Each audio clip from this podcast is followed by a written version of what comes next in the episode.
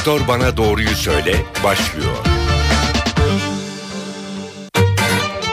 NTV Radyo stüdyolarına hoş geldiniz. Ben Öykü Özdoğan. Doktor Bana Doğruyu Söyle programıyla karşınızdayız. Geçen hafta astımdı konumuz. Gelen telefonların hepsine cevap veremedik. Sonrasında da sosyal medyadan çok fazla soru aldık. Bu hafta da astımla devam edelim istedik ama sadece çocuklarda astım üzerine sohbet edeceğiz. Stüdyomuzda Marmara Üniversitesi Tıp Fakültesi Çocuk Göğüs Hastalıkları Bilim Dalı Başkanı Profesör Doktor Bülent Karadağ var. Hoş geldiniz stüdyomuza. Hoş bulduk. 40 dakika boyunca sorularınızı 0212 335 47 20 20 0212 335 47 20 nolu telefona iletebilirsiniz. Çocuklarda astım hastalığı ile ilgili soru ve sorunlarınızı e, stüdyo konuğumuz Profesör Doktor Bülent Karadağ'la e, konuşacağız. Canlı yayın sırasında Twitter ve Facebook hesaplarından da bize ulaşabiliyorsunuz. Bunu da hatırlatmış olalım. Hocam tekrar hoş geldiniz. Hoş bulduk. Dünyada 300 milyon, Türkiye'de yaklaşık e, rakamlar umarım doğrudur. 3,5 milyon e, astım hastası olduğundan bahsediliyor. Bunun ne kadarı çocuk? Çocuklarda astım nasıl oluşuyor? E, aslında tabii çocuklarda çok daha yüksek oranlarda erişkine göre. Hmm. E, astımı bir piramit gibi düşünürsek, e, gittikçe e, sivrilen bir piramit olarak düşünürsek çocuklarda yüzde beş ile on arasında görülürken erişkinlerde yüzde iki beşe düşüyor bu oran. E, o yüzden de e, görülen astım hasta tanısıyla izlenen hastaların aslında yaklaşık yüzde yetmiş sekseninin çocuk olduğunu söyleyebiliriz. Peki nasıl oluşuyor astım çocuklarda? Yetişkinlerden bir farkı var mı? Çok e, değişik mekanizmalar var. E, bir bakıma e, şanslıyız hani çocuklarda çünkü e, çocuklarda anatomik olarak yani yapısal olarak bronşlarda darlık olduğu için yaş büyüdükçe astımdan kurtulma, astımı atma gibi bir avantaj oluyor genellikle. Ha, çocuk yaşta oluşan astımın geçici olma ihtimali yüksek diyebiliyor muyuz evet, o zaman? Evet çok daha yüksek. O yüzden hani geçen hafta e, Leyla hocamız da iyimser konuştu. Ben daha da evet. iyimser Siz de seviyorsunuz. evet ben de seviyorum. Çünkü hastaların birçoğu orada burada beni bulup aa işte görüyor musun çocuğumuzu siz iyileştirdiniz diyor. Ben hani çok mutlu oluyorum ama içimden de diyorum ki aslında ben mi iyileştirdim yoksa çocuk mu düzelecekti bilemiyorum. Peki e, sohbetimizde çocuklarda e, astımın belirtilerini ayırt etmede bazı zorluklar yaşanabileceğimizden bahsetmiştiniz. E, nasıl anlaşılır çocuklarda astım? Çünkü çocuk kendi kendini anlaması zaten çok zor. E, ailelerin nelere dikkat etmesi gerekiyor belirtileri anlamak için? Çok e, sıkıntılı bir durum gerçekten. Çünkü çocuklarda astımın en çok belirtileri hırıltı, e, wheezing dediğimiz hırıltı ve e, öksürükler. E, bunlar da genellikle çocukluk çağında çok sık gördüğümüz durumlar. Özellikle öksürük, öksürmeyen çocuk yok gibi bir şey. Yani şu anda dinleyicilerimizin çocukları olan dinleyicilerimizin çoğunun çocuğu öksürüyordur. Tabii. E, bu mevsimde. O zaman e, gerçekten böyle bir program ya da birini dinleyince herkes benim çocuğum astım mı diye paniğe kapılıyor. Ee, bir yandan hani paniğe kapılmaya hiç gerek yok ama aklımızda tutulması lazım. Yani işler yolunda gitmiyorsa yani bir e, grip geçirdi ya da bir infeksiyon geçirdi bu infeksiyondan sonra 3 hafta geçti hala çocuğumuz öksürüyorsa veya bir doktor Hı. dinlediğinde göğüste bir hırıltı duyduysa e, o zaman şüphelenmek lazım. Bir diğer e, nokta da önemli bir noktada e, egzersizle ya da gülünce ağlayınca e, şikayetten tetikleniyor olması. Yani çocukta hiçbir şey yok ama bir bakıyorsunuz arkadaşlarla oynarken öksürük nöbetlerine e, tutuluyorsa eğer. Ha, koşmuş e, oynamış öksürük başlıyor o zaman astımdan şüphelenilebilir. Hı hı hı. hı, hı. Peki e, astım başlangıcı var mıdır diye soracağım. Çünkü bronşit başlangıcı ile karıştırılabiliyor galiba. Aslında tabii bronşit başlangıcı da yok. Yani ha, hayatta bazı şeyler vardır ki ya vardır ya yoktur. başlangıcı Gri yok. E, hamilelik gibi. ha, hamilelik başlangıcı ya da bir şey ortası ol, yoktur. Ama bizde genellikle şöyle bir şey var. Yani insanlar bir e, normal halk bir kere doktorları niye çok el üstüne tutmuyor yani söylediğin daha doğrusu. Ben şimdi mesela buradan desem ki ya üç kuru üzüm bir incir bunu karıştırın güzelce işte sabahları balla verin desem herkes hemen not edecek. Ee, çok büyük bir ilgiyle e, izleyecekler. Ama ben dersem ki ya şu ilacı kullanacaksınız bakın bu testler yapılacak. Çok ilgilenmiyoruz genellikle. E, burada da e, genellikle hastalıklara karşı bir e, kabullenmeme ve e, inkar etme e, duygusu oluyor öncelikle anne babada. Kimse konduramıyor çünkü çocuğuna. Hı hı. Bunu da doktorlar tecrübeyle öğrendiği için genellikle hastalık dan ziyade hastalığın başlangıcı. Bak iyi ki gelmişsiniz. Dün yarın gelseydiniz astım olacaktı ya da zatürre olacaktı diye. Ama bugün bir önceki ha, hasta da kendini iyi hissediyor. Aa iyi ki gelmişiz. Doktor da iyi mutlu. Hani çok büyük bir sorunla e, çok karşılaşmadan e, çözdüm diye düşünüyor ama aslında büyük bir hataya yol açıyor bu. E, başlangıcı veya bronşit dediğimiz zaman, astım demediğimiz zaman hasta ilacı kullanmayı reddediyor ya da düzelince 3 gün 5 gün bir hafta sonra hastalık düzelince şikayetleri e, bir bakıyorsunuz ilaçlar rafa kaldırılmış. Zaten mahallede bir tane bildik teyze mutlaka vardır. e, bu bazen anneanne babaanne de olabilir. O da diyor ki ya olur mu işte bizim şeyde şunda astım vardı devamlı çocuk öksürürdü. Bırak bu çocuk bu ilaçları çünkü içinde bir kısmında kortizon var büyük bir kısmında. Aa, kortizon şöyle yapar böyle yapar. Bir bakıyorsunuz işte o astım başlangıcı dememiz aslında e, bizi bambaşka yerlere götürmüş. O yüzden hani bizim hekimlerle de olan e, hep diyaloglarımızda aman sakın başlangıç demeyin. Hmm. Astım deyin ya da e, tabii ki şey yani çocuk hekimliği çok e, kapıdan girince anne babayı e, test edip ona nasıl söyleyeceğinizi de anlamanız gerekir. Eğer çok hassas, çok panik gibi düşünüyorsanız hava yolları hassas diyorum ben. Onu herkes çok seviyor. Aa çocuğun hava yolları hassasmış. Sonra dönüyorum eşine aslında astım diye fısıldıyorum. Yani ya da bir sonraki vizitte onları yavaş yavaş hazırlayarak söylüyorum eğer hani panik olacaksa. Çünkü şöyle de çok e, geliyor. Yani astım başlangıcı demesinin sebebi o. Astım deniyor. E, hasta panikle bizi buluyor. Ya diyor hiçbir test yapılmadı. Hiçbir şey yapılmadı. Çocuğumuza astım dediler. E, böyle olur mu hocam diye. E, ben aslında onun öyle olabileceğini anlatıyorum ama e, genellikle de bu panik duygusundan dolayı e, bir e, başlangıç sendromu var Türkiye'de. Peki başlangıç deyince rahatlıyoruz yani evet. bunu anlıyorum. E, telefon numaralarımızı bir kez daha hatırlatayım. 0212 335 47 20 335 47 20 oldu telefondan bize ulaşıp çocuklarda astım e, hastalığı ile ilgili sorularınızı Profesör Doktor Bülent Karadağ iletebilirsiniz. Az önce kortizon dediniz daha sonra soracaktım aslında ama yeri gelmişken gerçekten e, o astım ilaçlarının e, her astım ilacının içinde kortizon mu var? Önce onu sorayım. E, hepsinde yok. Yani e, iki gruba ayırırsak geçen hafta da konuşmuştunuz aslında. E, iki gruba bir rahatlatıcılar var. Yani kriz Çocuklar oldu. için de aynı yani aynı. ilaçlar. Kriz ha. olduğunda çözecek ilaçlar var. Onların hiçbirinde astım yok. E, şey, kortizon, kortizon yok. yok. Ama bir de e, bizim uzun dönemde yani çocuğun hiçbir şikayeti yokken e, verdiğimiz ilaçlar var. Bunların büyük bir kısmında kortizon var. Kortizonun zararından korkup ilacı kullanmayan e, aileler oluyordur belki çok, öyle değil çok, mi çocuklarına Çok büyük oranlarda. O nedenle mutlaka biz bir astım diyorsak bir çocuğa veya tedavi veriyorsak aileyi oturtup anlatmamız gerekiyor. Yani bunun çok düşük dozda kortizon içerdiği herhangi bir yan etki riskin hemen hemen yok denecek kadar az olduğunu vurgulamamız gerekiyor. Yoksa hem prospektüs okuya, okuyarak hem de komşulardan duyarak bu ilaçların kesileceğini geçileceğine emin olabilirsiniz. Evet komşularla sağlık konuşmanın yasaklanması gerekiyor zaten herhalde. bir dinleyicimiz var hatta. Ee, sizi tanıyalım merhaba. Alo iyi günler iyi yayınlar. Teşekkürler isminizi ve sorunuzu dinliyoruz. Ee, Harun ben Ankara'dan arıyorum. Ee, 12 yaşında bir kardeşim var. Hocam onun hakkında bir soru soracaktım da. Tabii buyurun Harun, Harun Bey. Ee, e, arkadaşlarıyla futbol oynadıktan sonra hocam ya bir ter attıktan sonra koştuktan sonra falan e, teri soğuduktan sonra bir hırıltı oluyor e, kardeşimde ve e, nefes darlığı oluyor hocam. Yani koş, koşarken bir şey yok. E, hı hı. Yani teri soğana kadar bir şey yok. Özellikle gece diye merak ediyorsunuz. Yani ben hani e, bir muayene de ettirmiştik ama herhangi bir bulgu bulamamışlardı astımla ilgili. Hı hı. Hani İleriki yaşlarda bir sıkıntısı olabilir mi acaba? E, aslında bu demin de bahsettiğim gibi en e, tanısı zor olan gruplardan bir tanesi. Çünkü normal zamanda bir şikayet olmayabilir. Hatta du- e, dinlediğimizde hastayı o anda siz doktora mesela ertesi gün götürdüğünüzde hiçbir şey bulmayabilir. Ama evet koştuğunda, oynadığında hırıltılar ortaya çıkabilir. e, bu yüzden bu hastalar zor grup. E, tanısı zor grup ama aslında hafif bir astım olma ihtimali çok yüksek. Peki bunları nasıl tanıyabiliriz? Aslında bunları Ankara'daysanız bu konuda iyi merkezler var zaten. Hani üniversitelerin Aha. ya da ihtisas hastanelerinin. İşte hocam hani ailemde de annem e, astım hastası kronik ilaç kullanıyor. Aile öyküsü de önemli. Ee, burada Hı-hı. ne yapıyoruz biz? Hani diğer dinleyicilerimiz için de bir e, fikir olur.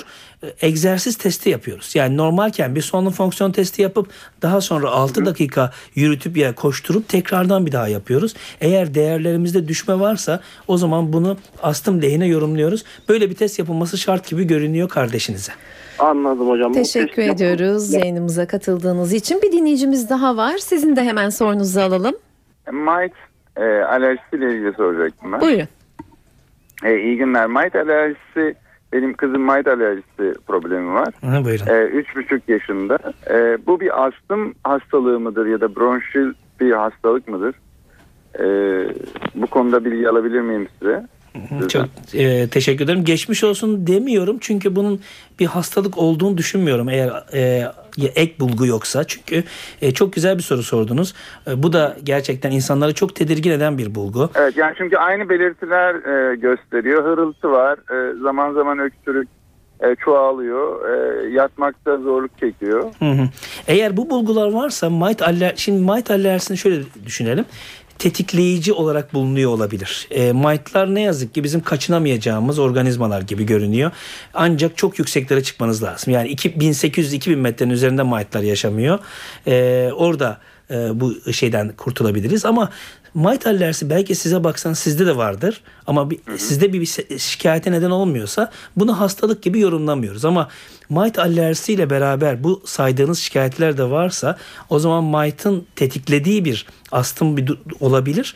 E, bu nedenle koruyucu önlemlere de normalde çok katı önlemler önermiyoruz ama böyle bir durum varsa özellikle siz de bunun Might'ların tetiklediğini düşünüyorsanız çünkü şöyle de bir durum var. Might alerjiniz olabilir ama Might'larla karşılaştığı zaman yani onu nasıl anlarız? Ev süpürüldüğünde mesela çocuğun yanında ev süpürülüyor. Çok tozlu bir ortam var ama çocukta hiçbir e, ek öksürük, hırıltı gibi bulgu olmuyorsa o anda o zaman Might'lar direkt tetiklemiyordur. Çok aşırı önlem alınmayabilir ama evi mümkün olduğunca sade e, ve işte tüylü oyuncaklardan, yünlü eşyalardan arındırarak e, bir evet. ortam sağlamakta fayda var. Ama eğer e, gerçekten çok e, direkt bir şekilde etkiliyorsa o zaman e, önlemleri biraz daha arttırmak gerekebilir. Teşekkür ediyoruz. Küçüklüğünde e, çok özür dilerim bir şey daha eklemem He. gerekiyor. Küçüklüğünde bu biraz daha fazlaydı. Yani ilk doğduğunda biraz daha fazla fazlaydı ama bu giderek azaldı. Mesela şu anda 3,5 yaşında yani bu çok çok azaldı. Özellikle kış aylarında çok az da olsa oluyor. Bu bir belirti midir ileride azalacak e, anlamına getirebilir miyiz? E, büyük ihtimalle zaten aslında e, demin de değindiğim şeyi biraz daha açabiliriz. Bu neden iyimserim bu hastalıkta, bu hassasiyette. Genellikle bir çan eğrisi gibi bir eğri çiziyor çocuklar. E, ve bu eğri 4 ile 7 yaş arasında bir pik yapıp daha sonra o zirveden yavaş yavaş düzeliyor. Yani bütün çocuklar e, başta hassas olarak aldığımız çocukların %70-80'i 7-8 yaşına geldiğinde bu hassasiyetinden kurtulmuş oluyor ve şikayetler e, düzelmiş oluyor. Hiçbir tedavi almasalar dahi. Peki çok teşekkür ediyoruz yayınımıza katıldığınız için. Bir dinleyicimiz daha var. Sizi de tanıyalım. Alo. Merhaba isminiz ve sorunuzu dinliyoruz. Ee, ismim Mehmet Ankara'dan arıyorum. Buyurun. Ee, eşimde bir alerjik astımla ilgili bir şey soracağım da. Buyurun. Ha, buyurun. ee, şimdi alerjik astım dediler. Böyle bahar alerjisi tarzı bir şey. Polenlerden falan. Ee, geceleri artık öksüre öksüre yorulup uyuyor, uyuyabiliyordu ancak. Hı hı. Ee, bununla ilgili bir birkaç araştırma yaptım internetten falan. Yani yanlış yönlendirmek istemem dinleyenler ama ara sütü, bal ve polen karışımının iyi geleceğini yani öğrendim. Ee, bunu kullandıktan sonra da hiçbir problemi kalmadı. Ama e, tabii şey kullanıyor. Bu poster kullanıyordu. ilaç kullanıyordu. Acaba onun bir etkisi midir yoksa benim kullandırmış olduğum ürünün bir etkisi midir ve e, çocuğumuzda bunun olma olasılığı nedir? Ee, yani birincisi ilk soruya e, cevap vermek istersek e, siz başta bir polen alerjisi var demiştiniz ve e, polenle aslında tekrar e, polen ekleyerek diyetine e, büyük bir risk alınmış aslında. E, o yüzden e, açıkçası biz böyle bir durumda önermiyoruz. Hani bu e, bahsettiğiniz ürünleri Hı. ve birçok ciddi alerjik yan etkiler de görülebiliyor ama e, demin de dedim hani siyah beyaz gibi değil bu hastalık. Değişken seyir gösteriyor. Bazen hiç olmadık koşullarda bile düzelebiliyor. Yani eşinizin aslında çok e, daha çok kullandığınız ilaçla düzeldiğini söyleyebiliriz. E, ve erişkinlerde de geçici olabiliyor. Büyük ihtimalle öyle. Bunun o yüzden hani bu tarz ürünler ile ben çok sıkışarak acile gelmek zorunda kalan hastalarla karşılaştığım için yıllar içinde hani 1995'ten beri bu hastalıkla uğraşıyorum. On binlerce çocuk geçti elimizden. Ee, özellikle bu konuda çok dikkatli olunmasını ve çok e, uç örneklerle beslenme eklenmesinin e, engellenmesi gerektiğini düşünüyorum. Ama sizin olayınızda gerçekten hani düzelmişsiniz ama hani onu ona bağlamayın bağlamayın hiç. Çocuğunuz için de e, yüzde 30 yüzde 40 gibi bir riski var. Takip etmek lazım. Teşekkür ediyoruz yayınımıza katıldığınız için. Aslında e, birkaç e, etkenden bahsettiniz ama çocuklarda astımı neler tetikler diye soracağım. E, akarlardan bahsettik galiba yanlış hatırlamıyorsam. Bu arada biraz önce polenin önerilmediğini söylediniz değil mi? yanlış anlamadım. Tamam. Astım olan bir çocukla o aynı ev içinde nasıl yaşanmalı? Yani boya, badana, böcek ilacı, e, halı, yastık, kilim her şeye dikkat mi edilmeli? Yani böyle hijyenik bir ev mi olmalı o ev? Aslında bir, bir önceki sorunuzdan başlayayım isterseniz. Tamam. E, ne tetikliyor? E, hani alerjik bir hastalık diye düşünüyoruz. Alerjik olarak biliyoruz ama hastalarımızın üçte birinde alerji yok. Üçte ikisinde alerji var. Bu alerjisi olanlarda dahi e, baktığınız zaman şikayetler daha çok üst solunum yolu enfeksiyonlarını takiben. Yani mesela bu aralar çok salgın grip var ortalıkta. Bunun arkasına bir bakıyorsun 3-4 günde atlatması gerekirken çocuklarda arkasından önce bir burun akıntısı bir öksürük 3 gün sonra hırıltılar öksürükler şiddetleniyor. E, özellikle tetikleyici bizim için enfeksiyonlar yaklaşık %80-90 hastada böyle. Bir diğeri mevsim değişimleri. Yani şimdi mesela biraz daha soğuk havaya girdik onu geçtik ama sonbahar, Eylül, Ekim ya da Mayıs, Haziran aylarında gerçekten havanın çok değişken olması hastaları çok etkiliyor. O yüzden de direkt birebir ev akarlarıyla karşılaşmaktan çok ana sorunlarımız bunlar. Peki ne yapacağız? Yani bu hastalıkta ne, ne kadar önlem alalım ne, ne diyelim? Çünkü yüzde onlarda en az yüzde onlarda görülen bir hastalık demek şu. 10 kişiden biri yani neredeyse 2-3 evde bir kişi e, bu hastalığı çekiyor. O zaman biz bunu eğer izole ortam yaratırsak sonuç birçok araştırma gösteriyor. Ailede de depresyon. Yani anne baba depresyona giriyor. Ne oldu? Acaba neyi unuttuk da biz çocuk bu hale geldi diye herkes birbirini suçluyor. İşte muayene, muayeneye geldiklerinde bir bakıyorsunuz arkada bir tane şey kayınvalide böyle binmişse ya. Bu üşütmeden olabilir mi doktor bey sorusunun arkasından gelecekleri tahmin edebiliyorum. Yok yok diyorum çünkü gelin orada e, tehlike altında. Ya da altında. gelin bir bakıyorsunuz e, diyor ki ev işte evde çok ha, yünlü yataklar yastıklar olması te- Kayınvalide tehlike- almış onları. Kayınvalide tehlikede. O yüzden hani o dinamiği çok iyi çözmek lazım. Çok aşırı önlem önermiyoruz ama demek ki hastamız mesela mite alerjisi yani ev tozu akarlarına karşı alerjisi tespit edilmişse bir de tozlu ortamlarda ya da ev süpürürken bunu birebir yaşadıysak o zaman gerçekten önlem almak gerekir. Ama onun dışında çok çok e, aşırı önlemler alıp çocuğu izole bir ortama sokmak çok daha tehlikeli. Daha Çünkü tehlikeli, hasta psikolojisi de oturuyor. Çocuk bir bakıyorsunuz koşmuyor, oynamıyor. E, kendini böyle işte oraya gitti mutlaka şey suçlanıyor işte yuvada aa yuvada tabii tabii işte e, orada halı flex vardı filan diye e, suçlanıyorlar. O yüzden o şeye girmemek lazım. O ruh haline hiç girmemek lazım. Ee, gerçekten tam da ruh halini soracaktım. Çocuğun duygu durumu, heyecanlanması, korkması, ne bileyim aile içindeki gerginlik, kavga, negatif duygular da astımı tetikleyebiliyor mu? Tabii tabii. Yani biz onu genellikle e, hasta çocuk kendini ifade edemediği için e, göz ardı ediyoruz ama bir baktığınız zaman aslında ev içi dinamikler o kadar etkiliyor ki bazen de astımlı hastalarda tik şeklinde öksürük de olabiliyor. Psikojenik öksürük diyoruz He. biz buna. Bir bakıyorsunuz özellikle bunlar çok rahatsız edici öksürük şeklinde gelebilir. Devam diye astım değil aslında ama e, astım zemininde de böyle bir durum olabilir. Onda da dikkat etmek lazım. Bu da astımla çok karışıyor. Mesela bunlara astım değil aslında ama çocuk basketbol oynamak istemiş. E, anne baba da çok titiz göndermemişler. Bir bakıyorsun çocukta böyle öksürükler. Ama bunun en önemli ayırt edici özelliği gece uyuduğu anda her şey süt liman. Hiçbir öksürük kalmıyor. Ama sabahleyin uyanıp da geldiği zaman özellikle de bu konu konuşulurken daha da e, belirgin bir öksürük haline de geliyor. Peki e, geçen hafta e, Leyla Hoca'ya da sormuştuk aslında evde hayvan besleme ile ilgili olarak. Astımlı çocuk e, bir hayvanla aynı evde yaşayabiliyor mu? Ee, orada tabii e, yıllar içinde doktorlar da bir yayınlar eşliğinde bir evrim geçirdi. Yani bundan 20 yıl önce aa zinhar evde hiç kesinlikle hayvan olmaması lazım e, denirken şimdi çeşitli yayınlar özellikle çocuk doğmadan anne hamileyken evde e, bir hayvan köpek kedi gibi bir hayvanın bulunmasının koruyucu olabileceğini de bile vurguluyor. Öyleymiş. Peki biz pratikte ne yapacağız? Zaten birincisi hayvan seven bir toplum değiliz ne yazık ki. Yani bizde mesela sorumuz şu. Evde kö- kedi köpek gibi bir hayvan var mı? Yok. Aman aman. Hayır hocam ne demek filan. Yani Ya. onu böyle bir şey gibi bir kuş beslerdik. O kuşlar da azaldı. Yani evde hayvan besleme gittikçe azalıyor gibi. E, o yüzden de hani bu konuyu çok e, zararlıymış gibi öne çıkarmak yanlış. Ama bir hasta bir çocuk astım tanısı aldıysa e, ve daha sonra da ailede bir eve hayvan almak istiyorsa ona mümkün olduğunca engel olmak istiyoruz. Ama tabii burada pazarlık yolları var. Yani test yapıp çünkü bazen de çok isteniyor. E, e, o zaman da işte test yapıyoruz hassasiyeti var mı diye. Şöyle bir durum var çünkü evde kedi daha öncesinde olabiliyor bazen kedi köpek. E, ve evin bir bireyi gibi yani. Tabii ki. E, İngiltere'de yapmışlar çalışma. Çocuklara sormuşlar anne mi gitsin kedi mi? E, çoğunluk anne gitsin demiş. Kediye O daha e, düşkünler. O nedenle de bu konuda dikkatli olmak lazım. Hani evrensel bir e, cevap cevap yok. Yani tek bir cevap yok bu soruya. Anladım. Ee, kısa bir ara vereceğiz ama öncesinde şu soruyu da e, sorayım. Astım olunabilecek en küçük yaş nedir? Yani yeni doğan bir bebek astım olmuş şekilde doğabiliyor mu veya bir yaşındaki bir bebek astım olabiliyor mu? Şimdi geleneksel yaklaşım olarak aslında 3 yaşın altında biraz astım demek sıkıntılı oluyor. He. Yani ama burada şu andaki bence problem bizde yani doktorlarda. Çünkü biz o hastanın astım olduğunu anlayamıyoruz. Yani e, 6 aylık bir bebek belki de ilk astım atağını geçirerek bize geliyor ama biz onun astım olduğunu anlamamız için bu atakların tekrarlıyor olması lazım. Aslında tıp ilerledi diyoruz ama bu konuda hala gerilerdeyiz. Hiçbir test bize bunu göstermiyor ve belki aradan sonra da daha sonra bahsederiz ayrıcı tanı derken e, özellikle e, yaş küçüldükçe düşünmemiz gereken birçok başka hastalık da oluyor ilk bir yaş için özellikle. Ben bunda da e, şeye benzetiyorum. Fabrikadan yeni çıkmış bir otomobilde bir arıza olduğu zaman bu büyük ihtimalle imalat hatasıdır. Yani çocukta doğuştan gelen bir şey olabilir. Dikkatli olmak lazım.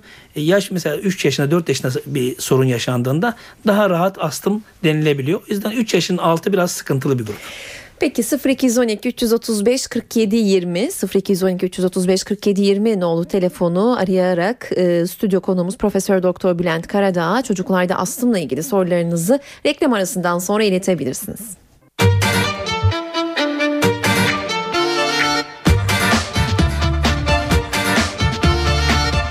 Doktor bana doğruyu söyle. Saat 12.34 ben Öykü Özdoğan Doktor Bana Doğruyu Söyle programında bu hafta çocuklarda astım üzerine sohbet ediyoruz. En son e, en küçük ka- kaç yaşında e, astım olunabilir dedik. 3 yaşından önce astım tanısının koyulmasının çok da mümkün olmadığını söylediniz yanlış hatırlamıyorsam. E, astımın çocuklarda uzun dönem sonuçları nedir hocam? Ee, aslında burada tabii e, demin ilk girişte de bahsetmiştim. Çok iyi gidiyor diye. Ee, bizim bu grubu inceledik. Ee, bak 5 yıl sonra baktığımızda hastalarımızın aslında %70'inin düzeldiğini gördük. Ama ben bazen şöyle yapıyorum. Aslında verilere de baktığın zaman %70-80 gibi bir rakam veriliyor genellikle. Ama bizim kapıyı ben bazen açıyorum bakıyorum. Nerede bu 15 yaşındakiler? Nerede bu 16 yaşındakiler? Çünkü onlara da bizim bakmamız lazım. Belki de gerçekten bunun bir oran Türkiye için konuşursak çok daha düşük olabilir. %90'ları veriyorum ben eğer alerjisi yoksa.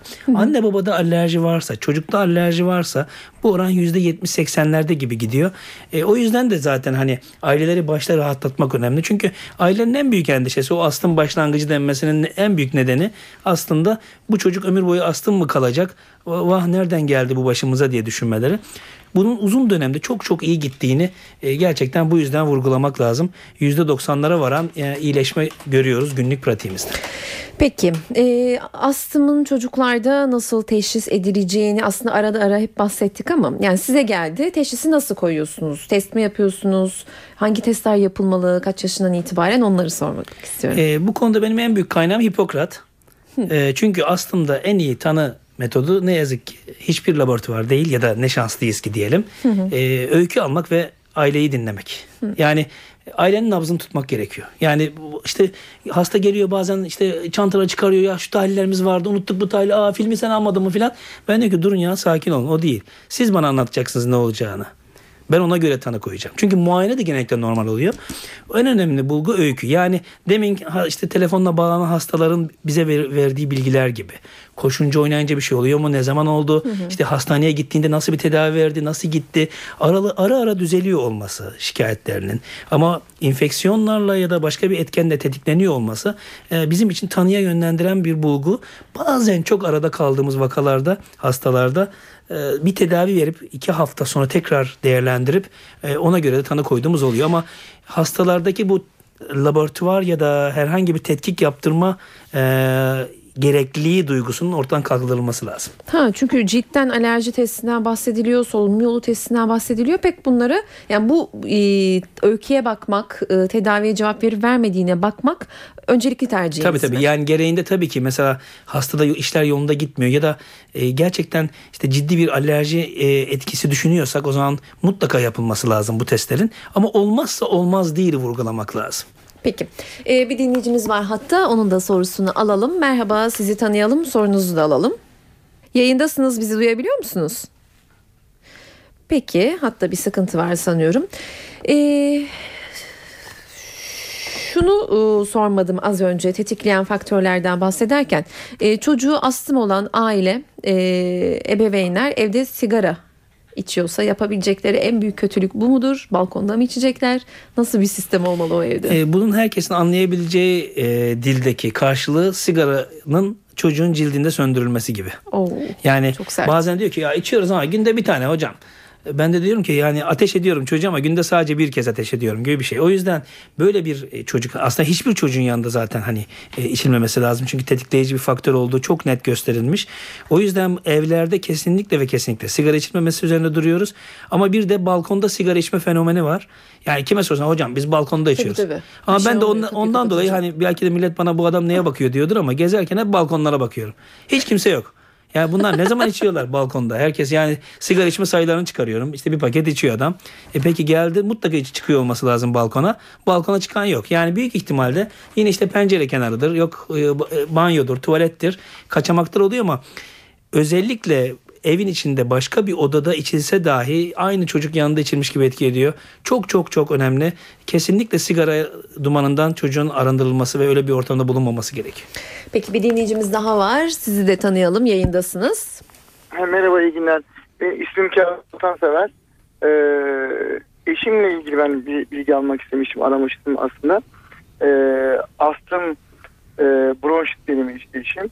Ama mesela bu yıl bu aylarda ve e, Mart, Nisan aylarında öksürük hiç gitmiyor bizden. Hafif de olsa, çok da olsa sürekli öksürük devam ediyor. Eskiden ateş çıkartıyorduk ama şu anda ateşimiz kalmadı ama öksürük hep devam ediyor. Ee, Hattan düştü sanıyorum. Ama ben yine de yani düşmeden önce elini tutup o Anladınız soruyu çünkü devam edelim. mevzuyu siz tabii ki. Buyurun. Yani oradaki şey şu e, bir belki Mart Nisan'daki e, öksürük nedeni farklı olabilir. Çünkü Mart Nisan polenlerin yoğun olduğu bir zaman. Ama onun dışındaki e, öksürüklerde bir diğer unutulmaması gereken şey de hava yollarının birlikteliği. Yani tek yol hava yolu deniyor. Burundan başlıyor aslında hava yolu. Yani e, bir- astım hastası, bir astımlı çocuk veya erişkin öksürüyorsa sadece e, astıma bağlı olmayabilir. Sinüziti reflüyü de mutlaka e, göz önünde tutmak lazım. E, Birçok hastamız bizim çünkü %70'inde re- beraberinde alerjik nezle de var. E, bir bakıyorsunuz aslında astımla ilgili çok iyi gidiyor işler her şey yolunda ama alerjik nezlesi ihmal edildiği için hasta öksürmeye devam ediyor. O yüzden astımlı bir hasta ilaçlarını düzenli kullanıyor ve buna rağmen yine de inatçı öksürükleri varsa ya bir kulak burun boğaz e, doktorunun da muayene etmesi veya onu izleyen doktorun özellikle alerjik nezle açısından uyanık olması gerekiyor. Çünkü bu tip hastalara genellikle böyle bir müdahale ettiğinizde çok daha rahat e, iyi sonuçlar alıyoruz. Tam da o bahsettiğiniz e, reflü astım ilişkisiyle ilgili aslında e, Profesör Doktor Deniz Ertem'i e, telefonla yayınımıza almak istedik ama e, hatlarda bir sorun var galiba. Şu an e, biraz önce hattaydı, hattan düştü. Buna daha sonra döneceğiz deyip o yüzden sorumu Tamam. e, devam ettirmiyorum. Bir dinleyicimiz var. Sizi de tanıyalım buyurun. Ee, merhabalar. Merhaba, sorunuzu alalım, isminizi öğrenelim. Ankara'dan Erman. Şimdi 4,5 yaşında bir oğlum var. Geçen senede aşırı öksürükten dolayı doktora gitmiştik ve alerjik reaksiyondan dolayı oluşan bir öksürük dediler bize. Herhangi bir şekilde astım falan demediler. Bu öksürüğün başladığı zaman Chamber'la beraber Ventolin kullanılmasını bir de ya hatırladığım kadarıyla Flexitol de herhalde ama Evet. Aha. çok yoğunlaştığı zaman da Flexitol kullanılmasını istediler. Şimdi tedavilere devam ediyoruz ama bu öksürük hiçbir şekilde kesilmiyor. Yani çocuğun şey kreşe de gidiyor. Kreşten geldikten sonra aşırı bir hırıltı. Hırıltı akşamla yemek yedikten sonra öksürük başlıyor. Yani yatana kadar da öksürük devam ediyor. Aslında burada geçmiş olsun öncelikle. Burada önemli olan şey bir hastalığın derecesini bir yere oturtabilmek. Şimdi çok hafif hastalarda yani sadece belli dönemlerde o da çok e, abartılı olmadan şikayetlerini atlatan hastalarda demin bahsettiğiniz gibi sadece nefes açıcılarla devreye girip e, diğer zamanlarda ilaç kullanmamasını öneriyoruz veya kullansa da daha kısa dönemler önerilebiliyor. Ama sizin çocuğunuzda olduğu gibi eğer şikayetler biraz daha inatçı gidiyorsa e, o zaman tedaviyi sürekli hale vermek yani koruyucu olan tedavi sürekli hale getirmek önemli. Bir de yine e, yemek sonrası diyorsanız reflü yine devreye girebilir ama öncelikle yani yine e, başta konuştuğumuz hastalığın tanısını söyleyememek endişesi ve e, bu e, bunun doktorun size yansıtamamasından dolayı aslında çocuğunuzda hafif de olsa astım dersiniz, havayolu hassasiyetiniz bir e, dersiniz bir e, rahatsızlığı var ama çok çok büyük bir ihtimalle geçici. Yani korkmanıza gerek yok. Aslında Ankara'da nem olmaması açısından bu açıdan avantajlı bir yer.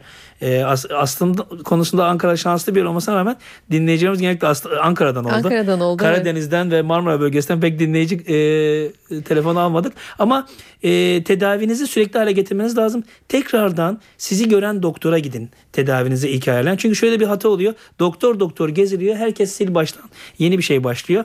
Bir doktorun takibinde olup tedavi sürekli hale getirmek herhalde çözüm olacaktır. Geçmiş olsun. Peki bir dinleyicimiz daha var. Merhaba yayındasınız. Merhaba. Buyurun sizi dinliyoruz. Ee, kızım 2-3 haftada bir antibiyotik kullanıyor. Rahatsızlığı fazlalaşınca boğulurcasına. Merhabalar. Ha, merhaba dinliyoruz. Ee, Antalya'dan arıyorum ben. Ee, rahatsızlığı fazla fazlalaşınca Radyonuzun sesini e, kısabilirseniz daha sağlıklı olacak galiba. E, biz en başından beri sizi e, duyuyoruz. Öyle mi? hı. Özür dilerim. E, boğulurcasına öksürüyor. 2-3 haftada bir kesinlikle antibiyotik alıyoruz biz. E, bazen hiçbir şey yok, rahatsızlık yok ama sabah kalktığımız zaman yine öksürüğümüz var. E, ilaç kullanmadığımız zamanlarda. E, doktorumuz bize sürekli olarak e, singüler hapını işte gece yatmadan önce içmemizi önerdi. Ama yine devam eden bir öksürük. 2-3 haftada bir fazlalaşan boğulurcasına öksürük. E, yani iki doz hatta e, kortizonlu ilaç e, bile verdi. 4 yaşında benim kızım. Geçmeyince öksürüğümüz. Aslında Ya çok çaresiz kaldım. Yo, e, çok e, önemli bir nokta. Bu da sıkça karşılaştığımız problemlerden bir tanesi. E, anlattığınıza göre bakarsak çocuğunuzun aslında e, hap tedavisi verildiğine göre kortizon içermeyen bir hap e, verildiğine göre şik- şikayetleri çok ağır değil. Ama özellikle öksürüğün zamanını biz çok e, ayrıntılı sorarız. Sabah öksürükleri dediği, e, deniliyorsa eğer o zaman geniz akıntısı var ve burun tıkanıklığıyla e, bu öksürükleri tetikliyor demektir. Bu mevcut tedaviye alerjik nezle tedavisinin de eklenmesi çok rahatlatacaktır aslında çocuğu. Ama burada aslında bir mesaj verilmesi gereken mesajı da çok güzel vurguladı e, hastamız. E, çünkü 2-3 haftada bir antibiyotik kullanımı. Gerçekten e, benim içim yanıyor yani bu çocuklara kullanılan antibiyotiklerden dolayı. Hiç ateş olmadan sadece hırıltı öksürük var diye kimi çocuğa iğne tedaviler veriliyor ve çok sık antibiyotik alıyorlar. E, aslında bu çocukların hiçbir antibiyotik ihtiyacı yok. O yüzden de tedavi kontrolü sağladığımızda astım kontrolü dediğimiz hiçbir şikayeti olmayan bir çocuk haline getirdiğimizde ailelerin bize ilk geri dönüşü şu oluyor. Ya çocuk artık hastalanmıyor. Aslında hastalanıyor ama hafif atlattığı için hiç antibiyotik kullanmaya gerek duymamış oluyoruz. Antibiyotik konusuna özellikle e, hem hekimler için hem aileler için buradan bir kez daha e, bir e, uyarmak isterim. Eğer çocuğunuzda ateş yoksa 24 saatten fazla süren ateş yoksa kesinlikle antibiyotik kullanmayın. Öksürükler 2-3 haftayı geçmediyse ve doktorunuz sinüzit demediyse ya da işte hani e, e, zatürre, pnömoni demediyse antibiyotik yine kullanmayın. Peki e, astımın tedavi yöntemlerinden de bahsedelim mi? Yani bahsettik hep bahsediyoruz gerçi ama e, ilaç kullanımı galiba öyle değil mi? Evet. E, peki o çocuk okula giden çocuk ilacı nasıl kullanacak? Ne zaman kullanacak? Öğretmeni mi bilgi sahibi olmalı? Çocuklar nasıl yönetecek o ilaç kullanımını? E, tabii şimdi şey ilaç ilaca uyum dünya çapında bir problem. Çünkü buradan biz konuşuyoruz işte reçeteyi veriyoruz kullanın diye ama ne diyoruz işte bir küçük çocuğa biz bunu 6 ay 1 yıl sürekli sabah akşam kullanmamız gerekecek. Üstelik de şurup değil yani bir sprey şeklinde bir ilaç. E, o yüzden ailenin ilk tepkisi zaten çocuk almadı bunu diye getiriyor. İşte maskeyle kullanıyoruz. Çocuk bunu almadı maskeyi bir tarafa atıyor. Çocuk zaten ağlıyor. E, orada ilk nokta bir kere aileyi bu konuda önceden uyarmak. Çünkü ilk etapta maskeyi severek kullanan bebek ya da çocuk yok gibi bir şey. E, ama orada ailenin kararlılığı çok önemli. Çünkü ilacı vermeye çalışırken çocuğun ağlamasıyla e, ebe, ebeveynden bir tanesi ya yeter işte çocuğu ağlatmayalım boş ver zaten düzeldi deyip köşeye atarsa ilacı o zaman başarısızlık e, kaçınılmaz oluyor. Bu nedenle aileye baştan mutlaka cihazı aldırıp gelin bakın böyle yapacağız diye e, muayene esnasında doktorun göstermesi gerekir ve her vizitte ya şu maskenizi getirin nasıl kullanıyorsunuz bana bir gösterin diye uyarması gerekir. E, burada bir diğer nokta okula giden çocuklar için de e, şöyle bir e, rahatlık ve sıkıntı. Rahatlık şu ilaçları genellikle sabah akşam verdiğimiz için okula göndermeye gerek yok. Ama öğretmenin mutlaka haberdar olması lazım. Yani e, genellikle bu çocuklar çok öksürdüğü için okullardan geri bildirim şu oluyor. Çocuğunuz öksürüyor gelin alın. E, bulaştıracak diye diğer e, çocuklara bir endişe oluyor. Ben mesela birçok e, çocuğa böyle bir rapor yazıyorum. Bu çocuğun öksürüğü alerjik öksürüktür. Her Bulaşıcı öksürüğünde değil. bulaşıcı değildir. Panik olmayın diye. E, bunu bu, bu söylemesi lazım. Yani öğretmenine ya da etrafına arkadaşlarına söylememek e, bize sıkıntı bile yaratabilir. Peki e, az önce konuştuğumuz reflü astım e, ilişkisiyle ilgili bir başka uzmanımızın telefonda konuk olacağını söylemiştik. Şu anda Marmara Üniversitesi Tıp Fakültesi Çocuk Gastroenteroloji ve Beslenme Bilim Dalı Başkanı Profesör Doktor Deniz Ertem e, telefon hattımızda. Hoş geldiniz yayınımıza. Hoş bulduk. Teşekkür ediyorum. İyi yayınlar. diliyorum. Teşekkürler Deniz Hanım. Aslında e, programımızın sonuna geliyoruz ama hızlıca e, şunu sormak istiyorum. E, Astım hastalarının büyük bir kısmında reflü görüldüğünü biliyoruz. Reflü astımı tetikliyor mu? Astıma mı neden oluyor? Nasıl bir ilişkileri var? Aslında reflü ile astım arasında neden sonuçtan ziyade birbirlerini klinik olarak taklit etme gibi bir özellikleri var. Sayın Karadağ özellikle astımdaki semptomları, şikayetleri size e, ayrıntılarıyla anlattı. Bunların önemli bir kısmı reflüde de görülebiliyor. Yani hışıltı, hırıltı, öksürük, sık sık boğaz temizleme, geniş temizleme gibi. Bu nedenle de özellikle astım hastası eğer tedaviye iyi yanıt vermiyorsa ya da gece yakınmaları daha çok artıyorsa bunda mutlaka e, astımın yanı sıra reflünün de araştırılması gerekirse tedavisini verilmesi lazım. Tabii ki aynı zamanda e, astımda kullanılan bazı ilaçların reflüyü de arttırdığını biliyoruz. Böyle bir kısır döngü de oluşabiliyor. Onun için bu grup biraz daha açıkçası reflüye yatkın bir grup. Akılda bulundurulmasına fayda var. E, peki son olarak şunu da sorayım. E, reflü e, astım ilişkisinden dolayı reflünün de özel bir beslenmesi var e, yanılmıyorsam. Astımda beslenmenin önemi etkisi dersek e, örneğin katkı maddesi olmayan gıdalar e, kullanılmamalı, D vitamini alınmalı, bol su tüketilmeli gibi özellikle e, söyleyebileceğiniz bir takım beslenme e, yöntemleri var mı? Özellikle yemek borusuyla mide arasının mide arasındaki kapağın çalışmasını bozan gıdalardan kaçınmak gerekiyor. Bunun içinde de başta kakao geliyor. Çocuk grubundan bahsediyorsak tabii ki. Evet, çocuklar yani başka için. Hı hı. e, maddeler de var ama çocuklar için özellikle kakao. Mesela gece sütü içmek. Geceleyin yatmadan önce son bir saat içinde atıştırmak.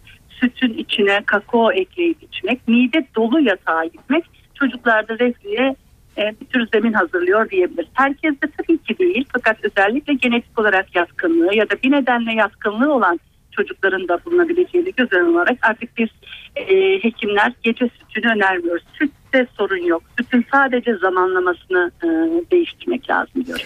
Peki o zaman e, astım tedavisi devam ettiğinde e, cevap e, tamamlandıktan sonra tekrar etmesi veya tedaviye cevap vermemesi durumunda reflüden mi hastalar şüphelenmeli doğru mu anlıyorum? Mutlaka reflüden şüphelenir. Zaten genellikle e, göğüs hastalıkları doktoru ya da çocuk doktorları bu manada bir gastroenterolojiye gönderme ihtiyacı duyuyorlar ya da aile böyle bir arayışa giriyor. Peki. Eğer bu aşamada e, semptomlar düzelmiyorsa bir gastroenterolojik değerlendirme gerekir diyoruz. Peki. Pekala. Çok teşekkür ediyoruz yayınımıza Ben katıldığınız için. Teşekkür ederim. Hoşçakalın efendim. Hoşçakalın Profesör Doktor Deniz Ertem telefon hattımızda konuğumuzdu. Ee, hocam size döneyim. Reflü tedavisi astımdan bağımsız mı ilerleyecek? Aslında Deniz Hoca'ya soracaktım ama kapatırken aklıma geldi. Şimdi Nasıl olmalı?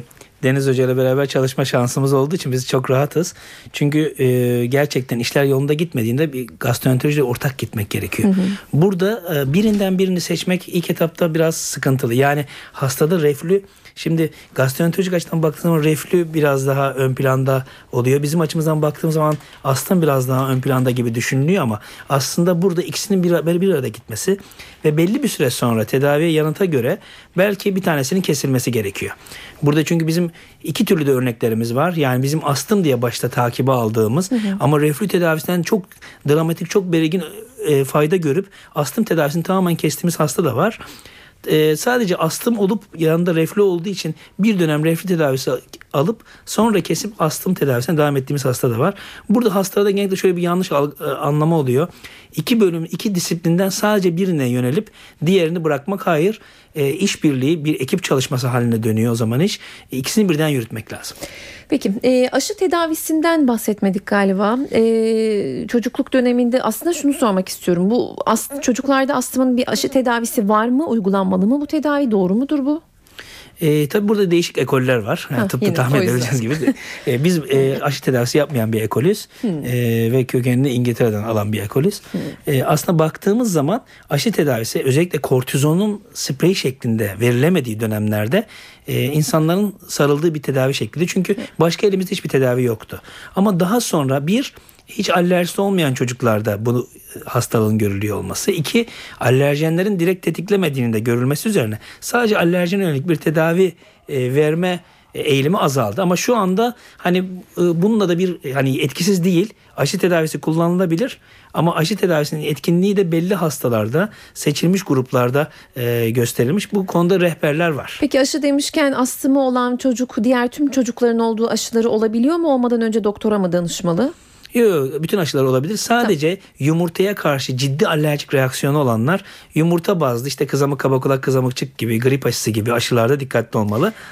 Peki süremizin sonuna geldik ama iki dinleyicimiz var. Beklettik bir süredir. Sizi hızlıca tanıyalım ve çok hızlı sorunuzu alalım lütfen. Abi merhaba ben Soner Yıldırım İstanbul'dan arıyorum. Buyurun. Ee, benim polenlere karşı aşırı derece e, testlerde e, aşırı derece e, alerjim var. E, şimdi e, bu alerjiye bağlı tabii bu 5 yıldır bende devam ediyor. Her baharda oluyor. E, size sormak istediğim şu. Ben bundan dolayı bir burun polibi denen bir rahatsızlık geçirdim. Ameliyat oldum. E, hava kanallarım tıkandı. E, ve doktor, kulak burun boz doktoru e, alerjime bağladı ve tedavi olmazsam 5 yıl içerisinde tekrarlanacağını söyledi. Ee, peki e, şimdi bu alerjide ne gibi tedavi olabilirim? Tamamen kurtulabilmek adına e, e, böyle bir rahatsızlık buna bağlamıştı doktor. Doğru mudur? Ee, ay- kullandığım ilaçlar mı yapmıştır? Bu gibi böyle sorular var. Yani şimdi doğru ama bir tam e, olarak yok etmek mümkün değil. Yani ne yazık ki fabrika ayarlarına geri dönemiyoruz. E, ve sizin alerjik yapınız e, giderek azalsa bile ömür boyu devam etme ihtimali yüksek bir yapınız var demektir. Ve bu yapı devam ettikçe de e, polenlerle karşılaştıkça da tekrar polipleriniz olabilecektir. Ama alerjik nezle açısından bir tedavinizi uygun yapmak bir de e, Türkiye'de pek yok ama polen haritası en azından internette şimdi her şey var. Yani İstanbul'da hangi sizin alerjinizin olduğu polenler hangi mevsimde daha yoğunlaşıyorsa biraz daha dikkatli olmak o dönemlerde. İşte pencereleri açmamak, çok pikniğe gitmemek o dönemde e, önerilir. Teşekkürler yayınımıza katıldığınız için. Son dinleyicimizi alalım. Sizden de çok hızlı sorunuzu rica edelim. Tamam. Buyurun yayındasınız. İyi günler. İyi günler. Alo iyi günler. İyi günler buyurun. Ee, ben İzmir'den arıyorum. İsmim Atilla. Teşekkür ediyorum öncelikle. Ee, benim oğlum 12 yaşında. Ee, tahıllara karşı alerjik astım olarak belirlendi. Ee, tedavi görüyor. İlk önce haftada bir iğne vuruluyordu kollarından. Şimdi 15'te bir ve ayda bire çıkardılar. Nova Helisen diye bir iğne. Bu iğnenin e, kullanımdan dolayı ileriki yıllarda bir yan etkisi olabilir mi? Ve e, geçer mi? 5 yıl gibi bir tedavi süresi belirlemişlerdi ama bunu Ee, merak ediyorum ben. Tamam. E, bu demin geçmiş olsun. Bu demin söylediğimiz aşı tedavisi. E, etkinliği var. E, özellikle ta alerjiyi baskılamak açısından e, etkinliği var. Ama ek semptomlar yani ek bulgular varsa bunun yanı sıra diğer tedaviler de alması gerekir hastanın ama 5 yıllık bir tedavi sürecinde tamamen e, düzelme ihtimalinizin de yüksek olduğunu söyleyebiliriz. E, ama bu hastaların da bir süre takip edilmesi lazım. Yine tekrarlıyor mu diye çok geçmiş olsun. Teşekkür ediyoruz yayınımıza katıldığınız için. Süremizin sonuna geldik açtık bile. Ee, çok teşekkür ediyoruz yayınımıza katıldığınız için Bülent Hocam. Ee, ben bu fırsatı verdiğiniz için ben teşekkür ederim. Hani geçen sefer şey demiştim hani astım aşk gibidir ne zaman başlar ne Evet. zaman biter. Ee, program da gerçekten çok hızlı başladı çok hızlı bitti. çok teşekkür ediyorum bu Biz konuya. teşekkür Aynen. ediyoruz. Ayağınıza sağlık. Marmara Üniversitesi Tıp Fakültesi Çocuk Göğüs Hastalıkları Bilim Dalı Başkanı Profesör Doktor Bülent Karadağ'dı bugünkü stüdyo konuğumuz. Çocuklarda astım üzerine sohbet ettik. Önümüzdeki hafta bir başka konu ve konukla karşınızda olacağız. Ben Öykü Özdoğan. Şimdilik hoşçakalın.